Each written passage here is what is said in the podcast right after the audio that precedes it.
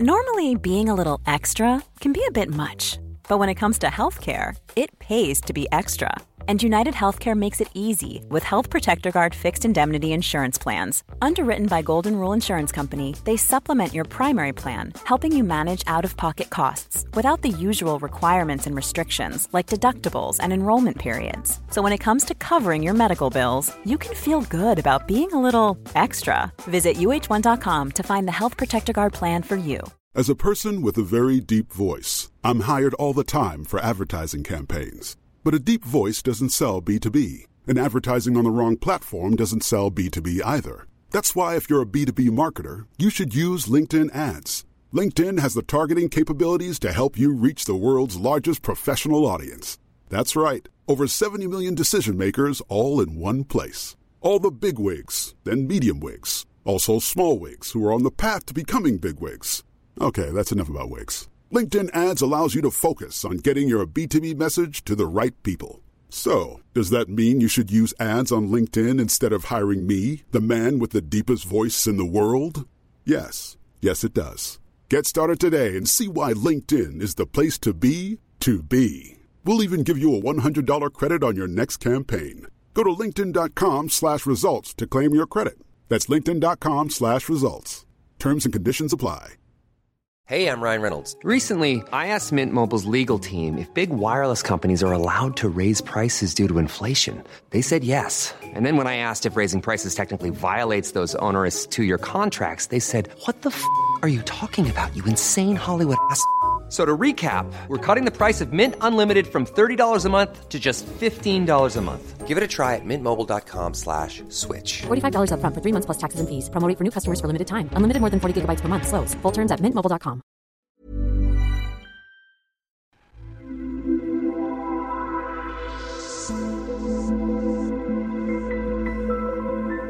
Så Min mann en dag, way back when, før jeg dro på denne livsmestringsruten, reisen, og ble til dette flotte kvinnemennesket, flotte feilfrie kvinnemennesket du ser i dag, uten noen som helst issues. Uten issues? Uten issues. Helt immun? Jeg er immun for alt. Jeg er feilfri. Har ingen negative tanker. Sliter ikke med noe, jobber ikke med noe. Nei, ingenting. Jeg har lest en bok, men En bok. En bok. Den boka har satt så i kule. Eh, Jeez. Så det var en dag min mann kom til meg, og så sa han til meg, Belinda, du må slutte å oppføre deg som en forbaska martyr, for du er pokker så privilegert. Jeg har nettopp sensurert den setninga, for han kom frem mye hardere enn som så. Men for ikke stille han i et dårlig lys. Det var litt mer tyngde, litt Ja. mer drastisk bruk av Ja. ord. Og jeg tenkte bare Stakkars meg. Tenk at jeg har en mann som kaller meg for en martyr. Det er ikke min feil. Livet mitt er vanskelig. Jeg hadde blitt tvangsflytta fra sunny California til Norge, hvor det hele tida er vinter og høst. Jeg hadde, måtte, eh, hadde ikke jobb. Jeg hadde ingen studie. Jeg hadde to bonusbarn som jeg konstant følte meg langt ifra god nok til å kunne være de sin bonusmor. Jeg tenkte bare at disse to barna de fortjener noe mye bedre enn dette her. Jeg kunne jo ikke lage kjøttkaker i brun saus. Jeg visste ikke hvordan man gjorde det. Jeg skjønner ikke kjøttkakene. Hvor kom de ifra? Sant? Fikk jo sjokk da de kom fra kua. Med vennlig hilsen veganeren. Fikk jo ikke til noen ting. Jeg var um, fikk ikke, Jeg hadde ikke uh, struktur. Uh, liksom alt, Livet var imot meg. Jeg hadde ikke bil, jeg hadde ikke jobb, jeg hadde ikke penger, jeg hadde ikke økonomi. Jeg hadde ingenting, og det var så stakkars meg. Og jeg var helt sånn stakkars meg. Faren min døde. Stakkars meg. Jeg har vært gjennom en voldtekt. Stakkars meg. Jeg bor i et hus jeg ikke føler meg komfortabel i. Stakkars meg. Jeg kan ikke bli strukturert fordi jeg har ikke en grunn til å være strukturert. Stakkars meg. Jeg kan ikke trene fordi det er alltid dårlig vær ute. Stakkars meg. Alt i livet mitt var stakkars meg, og hver gang han kom med en løsning på et problem til meg, så ble jeg veldig sur. Fordi at den løsninga fungerte ikke, fordi livet var faktisk imot meg. Stakkars meg. Det var ikke min feil. Fordi hvis han løste et problem, så kom det på, et annet, på en annen side. Hvis han vågte seg å prøve å løse et problem, så skal jeg love deg det kommer opp mange nye. Jeg måtte google hva betyr det når kjæresten din kaller deg en martyr. Jeg visste ikke var ikke, Jeg var ikke helt bekjent med akkurat det begrepet der. Eh, og da det viste seg å være en person som syntes veldig synd på seg sjøl, så ble jeg veldig sint på han. Ja. Fordi at hvordan kunne jeg ikke synes synd på meg sjøl? Det var jo veldig synd på meg. ja. Så gikk det litt tid. Jeg gjorde det jeg gjorde best. Jeg er hjemme med både inni meg og fysisk. Tilbringer mye tid alene. Orker ikke snakke om noe, orker ikke åpne meg. Men han hadde kalt meg martyr på, i, under flere anledninger. Ja. Og jeg har jo en sånn innebygd greie som gjør at jeg har lyst til å bli litt bedre på livet generelt. Så Var det her før eller etter Bruce Lipton? dette var før The Revelation. Ok. Før YouTube endra livet mitt. før Dr. Bruce Lipton fortalte meg at jeg kunne endre tankene mine. Ok. Så nå er jeg jo helt på bunn, egentlig. Og så googla jeg da dette her martyrbegrepet eh, og skjønte litt mer hva det gikk i. Eh, og etter jeg hadde fortalt til meg sjøl 100 ganger at han tar feil, og jeg har rett, det er synd på meg, og jeg kan ikke gjøre noen ting for å endre dette her, så tenkte jeg hva hvis Hva hvis han har rett? Det fantes jo en periode hvor de smarteste mennene i verden Mennene, sier. Hør på den diskrimineringa. De smarteste menneskene i verden mente at jorda var flat.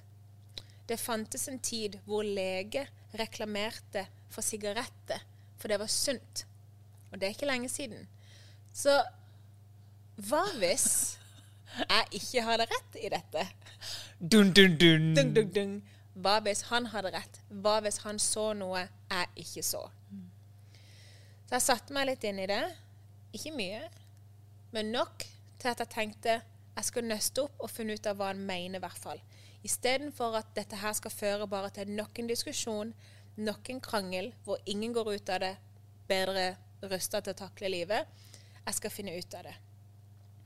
Så jeg krøp til korset og gjorde noe som var veldig vanskelig. Jeg gikk til han og så sa jeg, du, jeg har jo kjent deg en stund nå. Det har vist seg at du er en snill og en kjernekar, for å si det sånn. Skikkelig kjernekar. Hva om du har rett? Så jeg er klar over at jeg syns veldig synd på meg sjøl. Jeg mener at jeg har grunn til å synes synd på meg sjøl, fordi jeg har det ikke greit. Se på alt som går imot meg i livet. Så jeg, men jeg ønsker gjerne å høre hva du hører, og se hva du ser. Så vær så grei og vis meg ditt perspektiv. Og da satte han seg ned, det var veldig fint. Følte litt at jeg var på rektor sitt kontor, men det var hyggelig. Han er litt sånn autoritær, noe jeg trives i, for jeg trenger å bli satt litt på plass. Så sier han da til meg at Belinda, du føler at du er tvangsflytta fra California til Norge. Og pga. det så kan du aldri tillate deg sjøl å være lykkelig, for du skulle kun være lykkelig i California.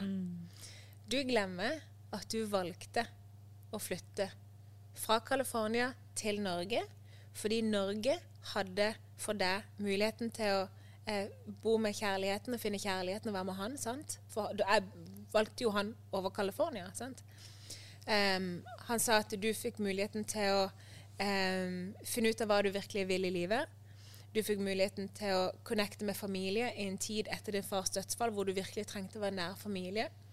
Du hadde mulighet til å kunne eh, gro røtter. Du valgte Norge ovenfor California fordi det var det som var riktig for deg. Så sa han, og du syns det er så vanskelig å være bonusmor og sier hele tida til deg sjøl at du er ikke god nok for de. Så sa han, hvordan er det mine barn, sa han da, reagerer når de kommer inn i et rom og ser deg? Så han nei, de smiler jo. Han bare, ja, hvorfor tror du de smiler når de ser deg? Jeg vet ikke. Kanskje de liker meg. Bare, ja, de er veldig glad i deg, Belinda. Slutt å fortelle deg sjøl at du er ikke god nok som bonusmor. Se på reaksjonen i de. De elsker å forgude deg. De syns det er så gøy å være rundt deg. Det er der du skal måle din verdi. Og så gikk han nedover lista på det viset. Han sa at du sier at du kan ikke være strukturert fordi du har ikke jobb. Men Belinda, du sa jo opp jobben for å starte ditt eget selskap, for å, full, for, for, for å um, eh, follow, for å følge dine egne drømmer. Sant? Og så snudde han bare alle mine negative ting, alle de grunner til at jeg syns synd på meg sjøl, det snudde han om, viste meg en annen måte å se det på. Og jeg ble helt sånn nærme Ha! Jøss. Stemmer. stemmer dette. Men hvis ikke det er synd på meg, then what? Hva skal jeg da gjemme meg bak? Hva skal da være min greie? Skal jeg bare gå rundt og være et lykkelig menneske? Det Klarer jeg å være et lykkelig, lykkelig menneske? Nei, uaktuelt. og det jeg i etterkant har lært, er jo Jeg kunne jo ikke jeg, Dette med hjernen vet ikke forskjell på rett og galt, bare kjent eller ukjent. Jeg visste jo ikke hva lykke var. Jeg hadde ikke peiling. Jeg har levd i martyrrollen siden jeg var liten. Jeg kom, jeg, mine foreldre skilte seg da jeg var ett, ett og et halvt. Så siden da så har jeg Jeg var minstejenta, sant. Så jeg har jo ofte blitt sånn en Å, Belinda, stakkar. sant? Kom, skal du få litt ekstra sjokolade? Eller kom, skal tante passe på deg? Eller Jeg har fått veldig mye kjærlighet og omsorg for stakkars Belinda. Hun var jo skilsmissebarn. sant? Så jeg tipper at fra da og opp til i dag, så har jeg alltid hatt en grunn, en stakkars meg grunn å skjule meg bak. Og plutselig så sto jeg i en periode i livet hvor ting faktisk begynte å løsne, og ting begynte å bli bra. Jeg hadde fått alt jeg egentlig drømte om, som var et hjem, en partner som jeg elsker for Gud, muligheten til å starte mitt eget selskap, alt dette her, sant. Men jeg klarte ikke å trå inn i lykken, for jeg visste ikke hva det var for noe. Jeg ante ikke hva det var for noe. Så jeg hele tida bare fant grunner eller knagger til å henge meg på det. Ikke knagger til å henge meg på.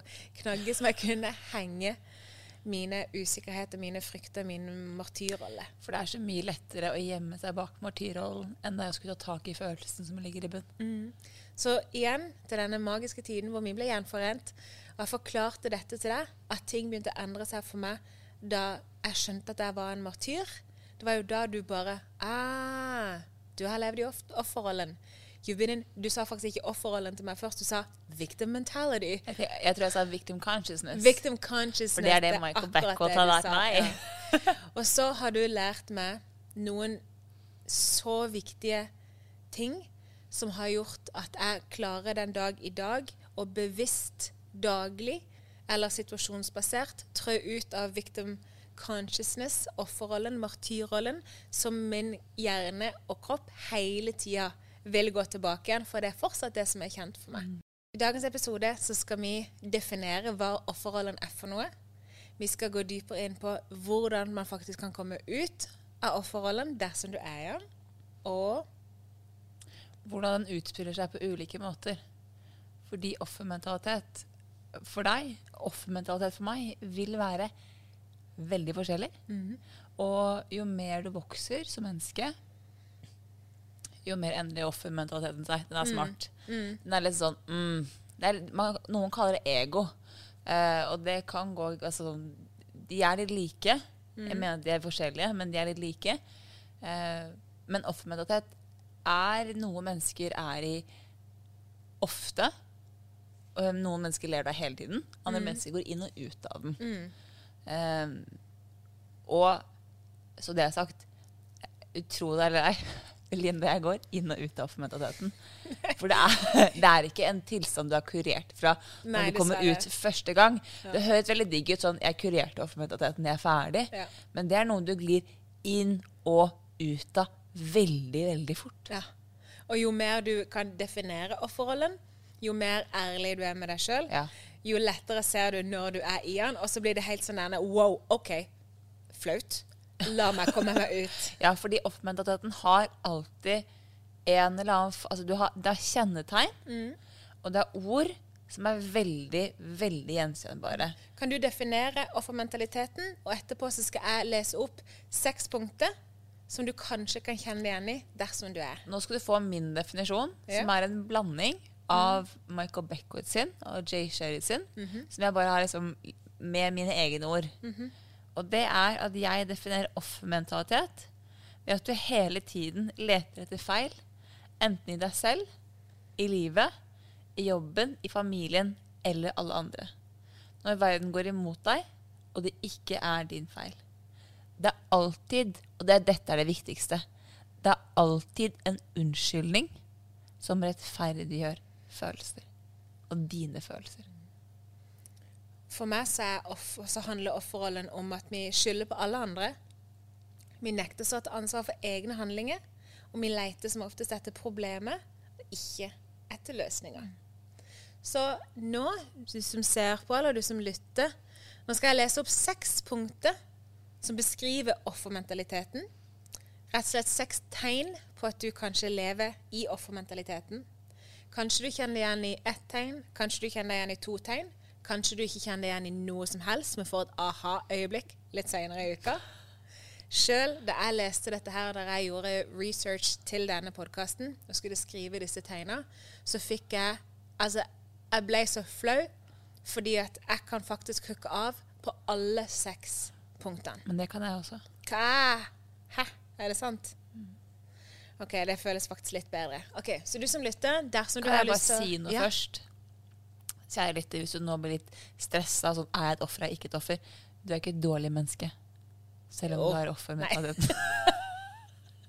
Selvfølgelig ikke. Bare sånn Mm. hvis, du, hvis, du, hvis du kjenner at dette er ubehagelig, så er det helt greit. Mm. Men du er ikke et dårlig menneske. Nei. Og back then òg, da livet var veldig veldig vanskelig for meg Jeg var fortsatt et kjærlig menneske som kun ønska godt for alle rundt meg. Det som er når du lever i off-mentaliteten, at du kan se på det som en fartshump. Du er på vei til noe, og du gleder deg så til å komme der, og så må du hele tida bremse ned pga. alle disse forbaska fartshumpene. Så alle de tingene vi går igjennom i denne podkasten her, det handler egentlig om å eliminere disse fartshumpene og disse hindrene, og gjøre det litt lettere for deg å forstå deg sjøl, egne tankemønstre, egne handlinger, sånn at du litt kjappere kan komme nærmere det å bli det mennesket du hele tida skulle være. Ok, nå er jeg klar. Ja, Jeg var veldig rørt. Okay. Er det sant? Jeg er imponert. Oi, ok, nice. ok, så dersom du ønsker å ta notatet, vi anbefaler jo penn og papir, men notatet på telefonen fungerer like bra, så kan vi skrive ned noen ting her. Seks tegn på at du lever i offermentaliteten. Badabum, badabum, go. 1. Du tror at verden er imot deg. Du klager mye på at ingen ser deg, ingen elsker deg, og ingen forstår hva du går gjennom. Livet er faktisk vanskeligere for deg enn for de som er rundt deg. Du er ikke opptatt av hva andre går gjennom, for dine problemer er uansett verre, og ingen bryr seg. Nummer to. Du tar dessverre ikke ansvar. Kanskje så har du forårsaka en krangel eller en vond situasjon, men du tar ikke ansvar. Det er jo de som skal hjelpe deg, og det er de som burde se din side av saken, så du jobber heller med å få andre til å føle seg dårlig for det faktum at de ikke har hjulpet deg som du forventa at de skulle. Nummer tre Denne kjenner jeg meg så igjen. Du overdriver problemene dine. Skjønner Du? ikke det? Nei, Dramatisk. Jeg skjønner ikke det. Åh. Um, nummer tre tegn på dette her, da. For eksempel så har min mann alltid sagt til meg at jeg er ekspert på å skape storm på skille, stille sjø. Og det er jo akkurat det som er et klassisk eksempel på offermentalitet. Et lite problem blir veldig stort. Ja, faktisk så blir det problemet større enn alle andre sitt, og du vil alltid ha medfølelse. Så her vil vi gjerne gråte litt, vi kan brøle litt, og vi kan gjøre det som skal til for at andre skal begynne å føle seg skyldige, og så få medfølelse for din situasjon, hvis ikke de fikk det opp, eh, opprinnelig med en gang. For hvis ikke andre forstår hvor ille ditt lille problem er, så blir man veldig sint. Jeg kan jo da fortelle min mann om et kjempeproblem som er helt sånn ødelagt. Og så gir han meg sitt perspektiv, og så blir jeg skikkelig, skikkelig skikkelig flau. For jeg bare Oi sann. Ja. Jeg var i offermentalitet. I see you. La oss ikke snakke om dette her igjen. Vi går videre i livet. Nummer fire. Alt går i gal retning. Du definerer deg kanskje ikke som et negativt menneske, men historiene dine og det du går igjennom, er alltid en tragedie. Du ser ikke muligheter bak en motgang. Du vil ikke ha tips om løsninger, for livet er en tragedie som ikke kan fikses. Nummer fem du sier sjeldent unnskyld. For hvorfor skal du si unnskyld for noe som ikke er din feil? Det er jo alle de andre sin feil. Nummer seks du syns synd på deg sjøl. Og du er flink til å markere dine feil. For hvis du er åpen nok om dine feil, så virker du da sårbar og hjelpeløs. Og dermed kan du, om du er heldig, få sympati fra andre mennesker. For jo flere som syns synd på deg, jo bedre. Det er så gøy. Da vi skrev denne episoden til, eh, i denne podkasten, så sa du til meg at Isabel eh, Jeg hater sympati. Jeg ønsker empati. Ja. Jeg visste Eh. ikke forskjellen på de. Og så sa jeg, Belinda, jeg tror du ønsket deg sympati. Nei, Isabel, hør her nå. Og så fordi du bare, jeg, selv da jeg var offer med mentaliteten, så ønsket jeg meg empati. Og så googler jeg forskjellen på empati, empati og sympati, og så leser jeg opp for deg, og så er det du får et aha-øyeblikk. Altså, du, du satt ikke i offentligheten, det var bare aha-øyeblikk om at forskjellen er det at det altså empati, da kan du få medfølelse, men de er ikke enige med deg. Sympati er medfølelse, og så er de enig i det du føler. Og du er sånn Ja, du måtte være enig. Ja. Er du gal? Og det er så fascinerende, for de seks tingene der definerer Jeg kjenner meg igjen i alle. Noen er sterkere hos meg enn andre. Det er nummer én. Verden er imot meg. Det er klassisk Isabel. Du klager mye på at ingen ser deg, Ja. ingen elsker deg, ingen Nei. forstår hva du går gjennom. Livet er vanskeligere for deg enn alle andre. ja. Klassisk meg. Mm. Ikke så opptatt av hva andre går gjennom, Nei. fordi Kom an. Ja. Se Altså, på livet mitt, da. Jeg, jeg hører hva du sier, men Så du har brukket bein. Ok, men La meg fortelle deg om etterfølg etter eh, problemene jeg har hatt etter jeg brakk ryggen. ja. Mm. Skal vise deg hva et problem er. Ja. Så det er jo på en måte Og det er så interessant, er jo liksom at den setningen 'men fordi' Det er sånn klassisk tegn på at du har offermentalitet. Fordi det kan hende at du tenker noe sånn Ja, OK, jeg er Jeg går inn i disse seks tegnene. Men hvordan hører du det når du prater? Og da kan du veldig ofte høre det hvis du kjører Jeg hører hva du sier, jeg burde gjort det bedre, bla, bla, bla, bla, bla. Men fordi han gjorde sånn, sånn, sånn, så er det faktisk synd på meg selv. Forrige helg eller helga før det, det var fint vær. Jeg har en regel om at de dagene det er sol på høst og vinter, de dagene skal jeg ut. Fordi jeg har hatt mye tendenser til vinterdepresjoner. Det å være utendørs så mye som mulig når det er lyst, det er pille nummer én. sant? Så var det en lørdag, dritfint vær. Jeg ville selvfølgelig gå tur i skogen. Jeg ville ha med meg min mann. Vi skulle gjøre en koselig greie ut av det. Jeg sa til min mor at eh, ja, vi skal i skogen i dag. Det er positivt for min syke. sant? Hun bare så bra. Go for it. You go, girl. Det var en mor sier. Hun sa nok ikke det. Så gikk dagen, og min mann eh, dro på kontoret for å få unnagjort litt jobb på en lørdag. Eh, som jeg ofte, veldig ofte gjør eh, sjøl.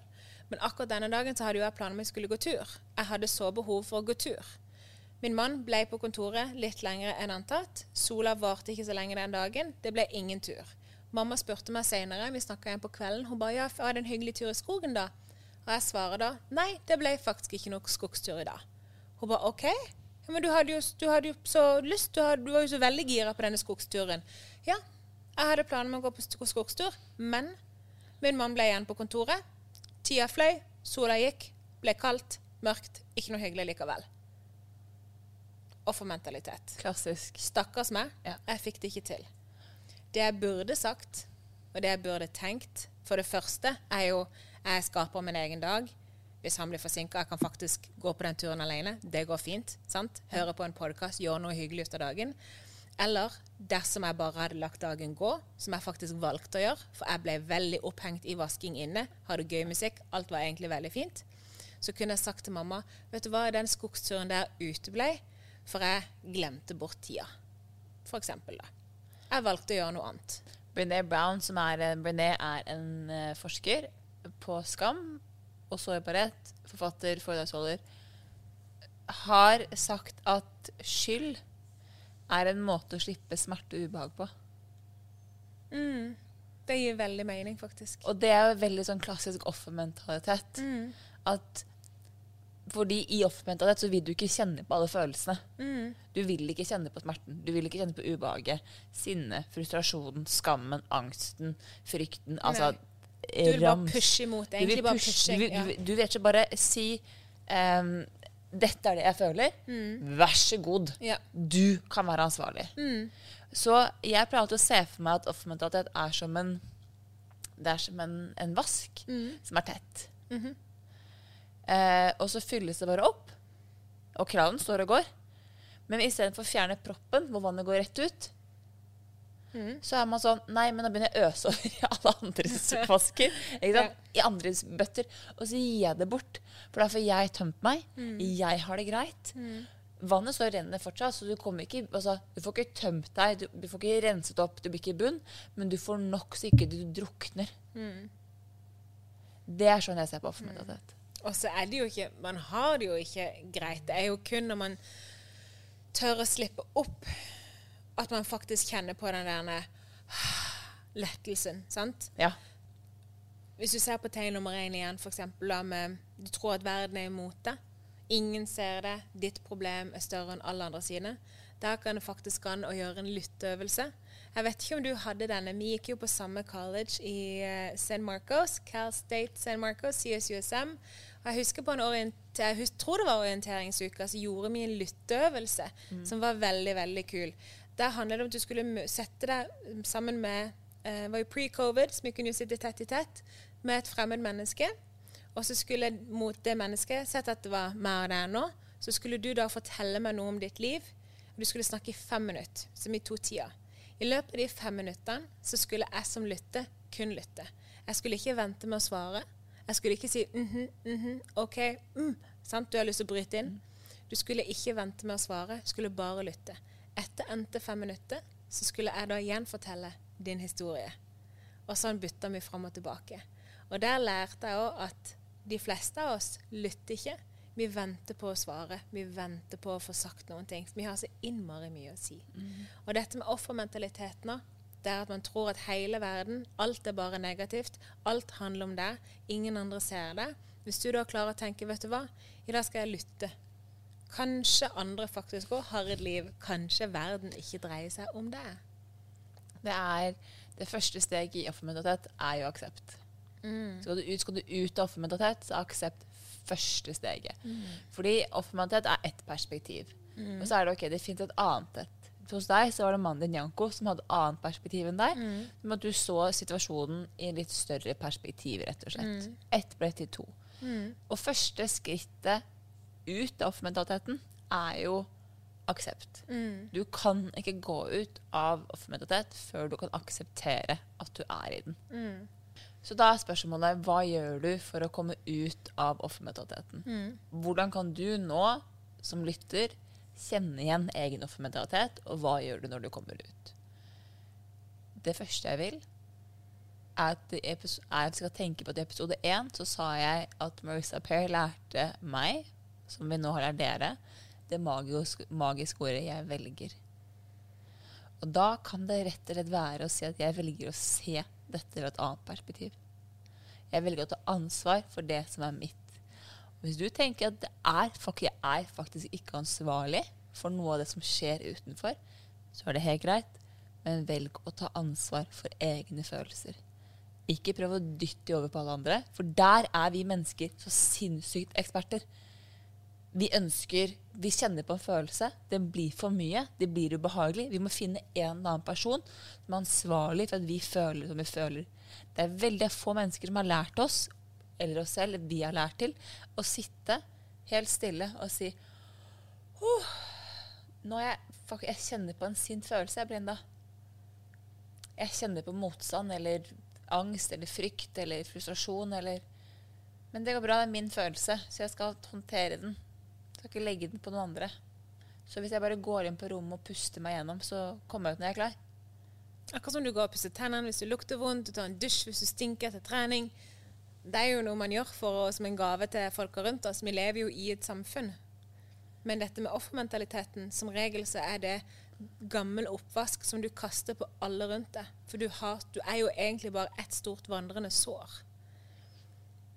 Kroppen er jo utrolig fascinerende, fordi kroppen husker alt det hodet vil glemme. Som betyr at alle gamle følelser du har følt, alle minner som ikke er prosessert, ligger i kroppen din og venter på at noe lignende skal komme igjen, så den kan bli uttrykt. Jeg brukte eh, symbolikken om vasken i sted.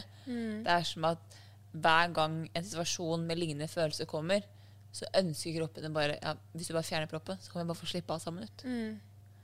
Mens vi mennesker er sånn Nei, den proppen, den skal bli. Så er det mange som tenker at uh, Jeg har hatt mye samtaler om dette her etter jeg fant ut at jeg var en martyr. Så jeg har jo fortalt det til mange. Uh, og så er det mange som sier at uh, ja, men jeg får det faktisk ikke til. Og det er jo en del av offermentaliteten. For alle andre får til alt, men du får ikke til noen ting. Så bare det å respondere med 'det var kanskje enkelt for deg', det er ikke like enkelt for meg, så, så fort kan jeg faktisk ikke fikse livet mitt. Husker da jeg var mindre, han lillebror som heter Junior, livets skjønneste lille kar. Jeg ville ha han til å brette håndklær. Skulle hjelpe mamma brette håndklær. Så det han gjorde, som veldig mange barn gjør, han bretta håndklær så dårlig som han overhodet klarte å få bretta de, for at jeg skulle se at han får det ikke til, sånn at jeg kan ta over. Sant?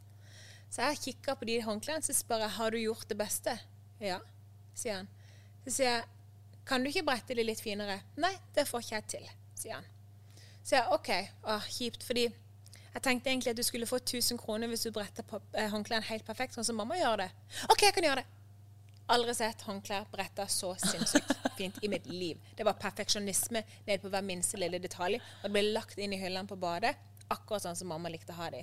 Alt lyvekryss. Han fikk aldri 1000 kroner, men vi kommer aldri til å glemme den lærepengen. Men det handler ofte om at vi sier ofte i livet at ja, men vi får det ikke til. Men det er kanskje fordi vi ikke ser premien godt nok. Men dersom du ser premien, at premien du får, det er der om tre år. Frihet. Frihet. Det er oppgraderte, frie versjoner av deg sjøl. Den må du begynne å jobbe med i dag. Dette passer perfekt, fordi nå har jeg et spørsmål til lytterne. Okay.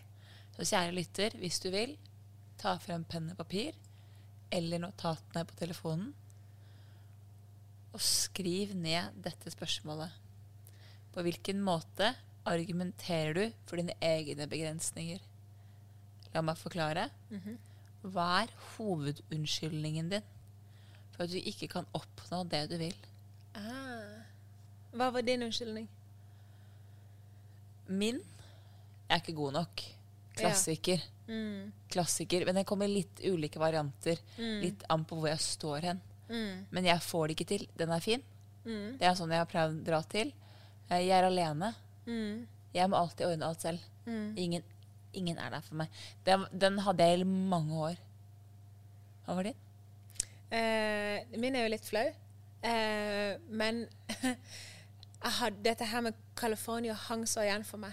Så min unnskyldning var jeg kan ikke bli lykkelig fordi jeg er ikke i California. Altså, jeg har flyttet hjem fra New York og med den største kjærlighetssorgen i bagasjen. Ja. over en by, så jeg har veldig forståelse for det. Veldig. Det er ikke noe flaut i det hele tatt. Det var veldig vanskelig for meg å håndtere og forstå. Det tok meg veldig lang tid å forstå hva California representerte for meg.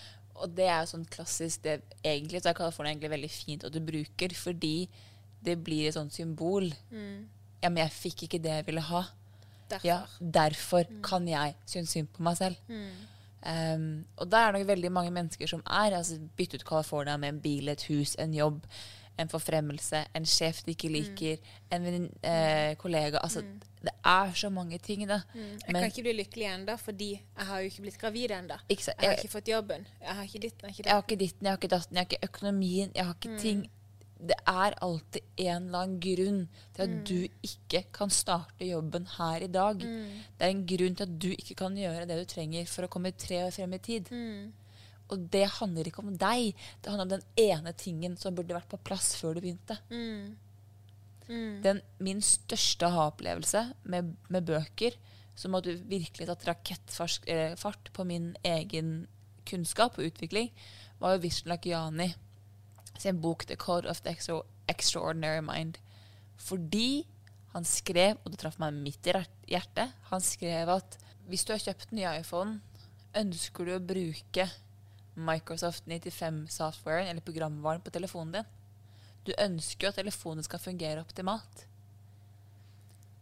Så, så sier Vishlak Jani han skriver at hvis du ønsker at hjernen din skal fungere optimalt, så må du tørre å oppgradere den. Og det traff meg rett hjem. For der satt jeg i New York. Eh, pandemien var startet. Jeg var lost. Jeg var veldig frustrert. Og jeg bare Her. I hjernen. Jeg vil forstå meg selv. Vi har snakket om at becoming handler om din egen relasjon til deg selv, din indre dialog. Og jeg skjønte at her, for meg, her ligger det mye å ta tak i. Når man forstår det at du står til ansvar for ditt eget liv, når du forstår, og dette føler jeg er det vanskeligste for folk å forstå, at alle valg du har tatt, har satt deg akkurat der du er i dag, og alle, på godt og på vondt. Og mange tenker at ja, men det er ikke min feil hvis ei venninne er slem mot meg.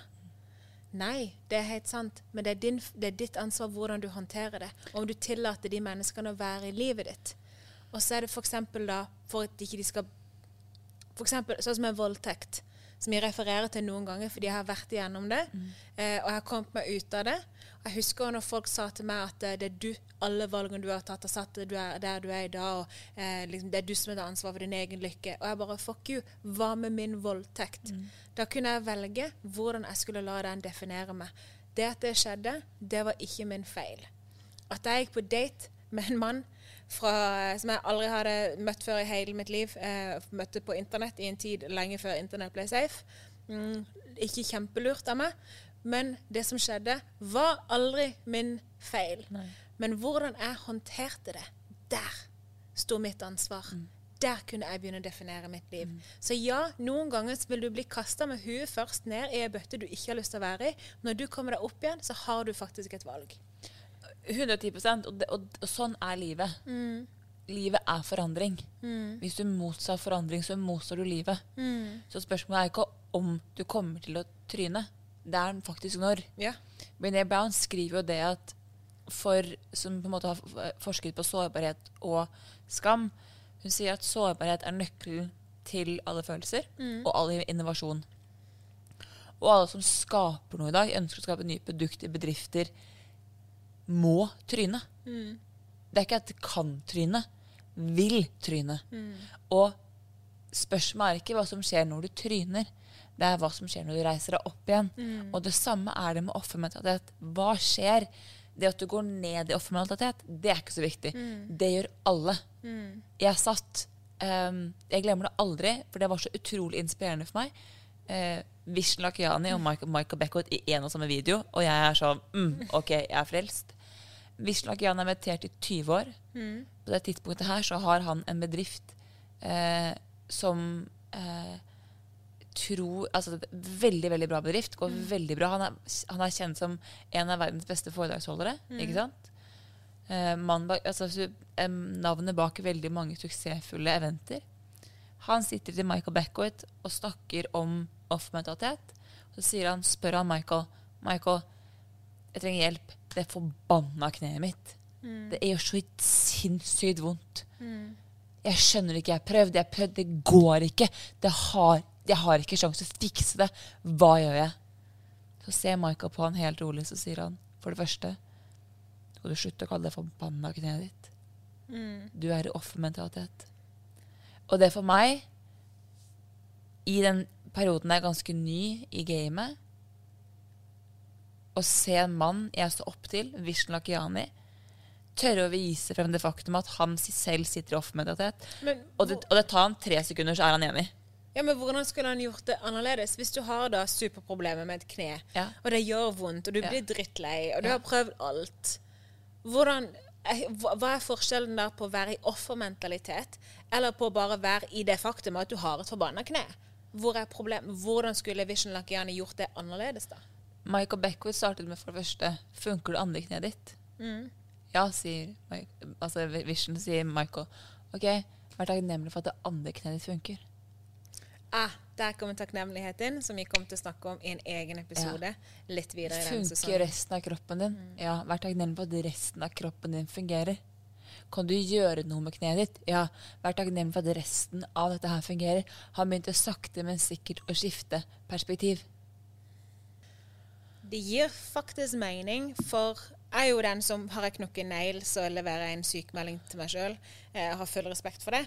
Eh, Men min mann fikk en nakkeprolaps tidligere i vår.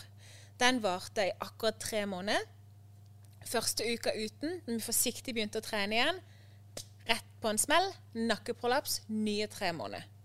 De som har hatt nakkeprolaps, de vet at den smerten der er veldig, veldig eh, heftig. Jeg spurte min mann så mange ganger i denne fasen. Jeg så hvor rart han gikk. Vi prøvde alt. Vi gikk til alle spesialister. Vi prøvde alt. Han sto opp med et smil hver eneste dag. Så sa jeg, hvorfor klager du ikke? Du har en nakkeprolaps. Du er i kronisk smerte. I tillegg så er han sånn nekter å ta smertestillende hvis ikke han liksom holder på å miste det. Så han gikk jo i mye, mye smerte. Så sa han til meg hele tida hvordan kan jeg klage? Se på livet mitt. Dette her er bare en liten bagatell som kommer til å gå over. Så er du sikkert den eneste i verden som kaller nakkeprolaps for en liten bagatell. Men han var altså så takknemlig for livet sitt, for kona si Derfor den, den, den forstår jeg. så takknemlig for meg, så takknemlig for sine barn, så takknemlig for livet vi har skapt for oss sjøl, at det var hele hans fokus. Det er litt som hvor- plasserer du fokuset ditt? Hva er det du veldig fokuserer på? For det du fokuserer på, det får energien din. Og det er en klok eh, venninne av min mor sa at det ligger enormt et enormt ubrukt potensial og energi som du enda ikke har tatt tak i, med bl.a. selvkritikeren og i offermentaliteten din. Og klaging generelt. Tenk all den tiden du bruker å rakke ned på deg selv. Tenk all tiden du bruker på å klage. Tenk om du kunne brukt det til å bygge deg selv opp igjen. Oi. Tenk om du kunne brukt det til å liksom si OK, istedenfor å klage, istedenfor å syte. OK, så endte jeg offerment- offermentalitet. Første skrittet ut er aksept. Aksepter at det skjedde. Helt OK. Handler ikke om hvor fort du faller inn, handler om hvor fort du kommer ut igjen. OK, ute. Hva nå? Som vi snakket om i episode 1, oppløftende spørsmål. Hva kan jeg gjøre for at jeg selv ikke ender, eller holder meg lengre her nå? Hva kan jeg gjøre som gjør at jeg får mer forståelse for meg selv? Hva trenger jeg? Hvis fokuset ligger på deg og den du skal bli om tre år, hva du ønsker å bygge for deg selv Og for noen så kan dette være store mål, for andre kan det være små. Personlig jeg er ikke så, det er ikke så viktig for meg hvor stort målet er. Det viktige for meg er at du som lytter, og du, kjære Belinda, tør å vokse som menneske. At du blir enda bedre kjent med deg selv. At du kan si Vet du hva? I går så skjønte jeg noe. Jeg skjønte enda en gang hvorfor jeg går inn i offermenta- offermentaliteten. Jeg så enda en side i offermentalitet-boken min. Så hvis du tenker på din hovedunnskyldning på hvorfor du ikke får ting til her i livet, og er ærlig med deg sjøl om deg sjøl, et begrep vi kommer til å bruke mye i løpet av denne sesongen Og hvis du da velger å ta deg sjøl på alvor, så legger du bort all distrahering. Se for deg i løpet av denne uka som kommer nå, så skal du i én dag, i 30 minutter f.eks., ta deg med på en liten date. På den daten, som kanskje kan være i hagen, eller gå på tur, eller bare sette dem med spisebordet, eller i badekaret, eller på do. Ha penn og papir eller notater klar, og så prøver du å finne ut av hva er problemet ditt? Hvordan vil problemet ditt se ut fra andre vinkler? Få flere perspektiver på det, og så prøv å være løsningsorientert. For meg har det hjulpet å skrive fra et sånt helikopter, et sånt tredjemannsperspektiv. Du har jo i, film, I film så har du jo en jeg-person, jeg, du. Så har du en måte tredjeperson hvor du ser ovenifra. Hvis du forsøker å skrive situasjonen din ovenifra, så ser ting helt annerledes ut enn det det er på bakkeplan. Ja, det er helt sant, det. Plutselig så er det ikke sånn Å ja, hun, det var en kjip dag. Det var ikke verdens ende, Nettopp. som har ofte vært min greie. Så det, det tenker jeg er en fin måte å avslutte på. Fin måte å si liksom Det er helt OK å være offermentalitet. Det er helt OK å kjenne på at livet er kjipt. Er helt OK å kjenne på ubehagelige følelser. Mm. Velkommen til Offermentalitetsklubben. Ja. Vi er alle medlem. Ja. Vi jobber aktivt for å hele tida hente oss ut. Hente oss inn. Hente oss inn. Hente oss ut av Offermentalitetsklubben, tenkte jeg på. Oh, ja. Oh, OK. Ja. Ja, for å litt raskere kunne bli det mennesket vi har lyst til å bli. Så kjære du som lytter, vi syns det er skikkelig fett at du tar deg sjøl på alvor. Ja. At du lytter til denne poden. Og husk at becoming er din prosess, og din prosess alene.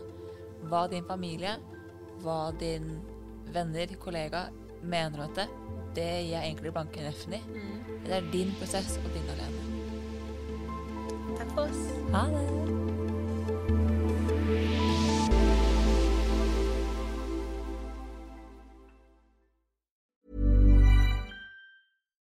The number one selling product of its kind with over 20 years of research and innovation. Botox Cosmetic, out toxin A, is a prescription medicine used to temporarily make moderate to severe frown lines, crow's feet, and forehead lines look better in adults. Effects of Botox Cosmetic may spread hours to weeks after injection, causing serious symptoms. Alert your doctor right away as difficulty swallowing, speaking, breathing, eye problems, or muscle weakness may be a sign of a life threatening condition. Patients with these conditions before injection are at highest risk. Don't receive Botox Cosmetic if you have a skin infection. Side effects may include allergic reactions, injection site pain, headache, eyebrow and eyelid drooping, and eyelid swelling. Allergic reactions can include rash, welts, asthma symptoms, and dizziness. Tell your doctor about medical history, muscle or nerve conditions including ALS or Lou Gehrig's disease, myasthenia gravis, or Lambert-Eaton syndrome and medications, including botulinum toxins, as these may increase the risk of serious side effects. For full safety information, visit BotoxCosmetic.com or call 877-351-0300. See for yourself at BotoxCosmetic.com.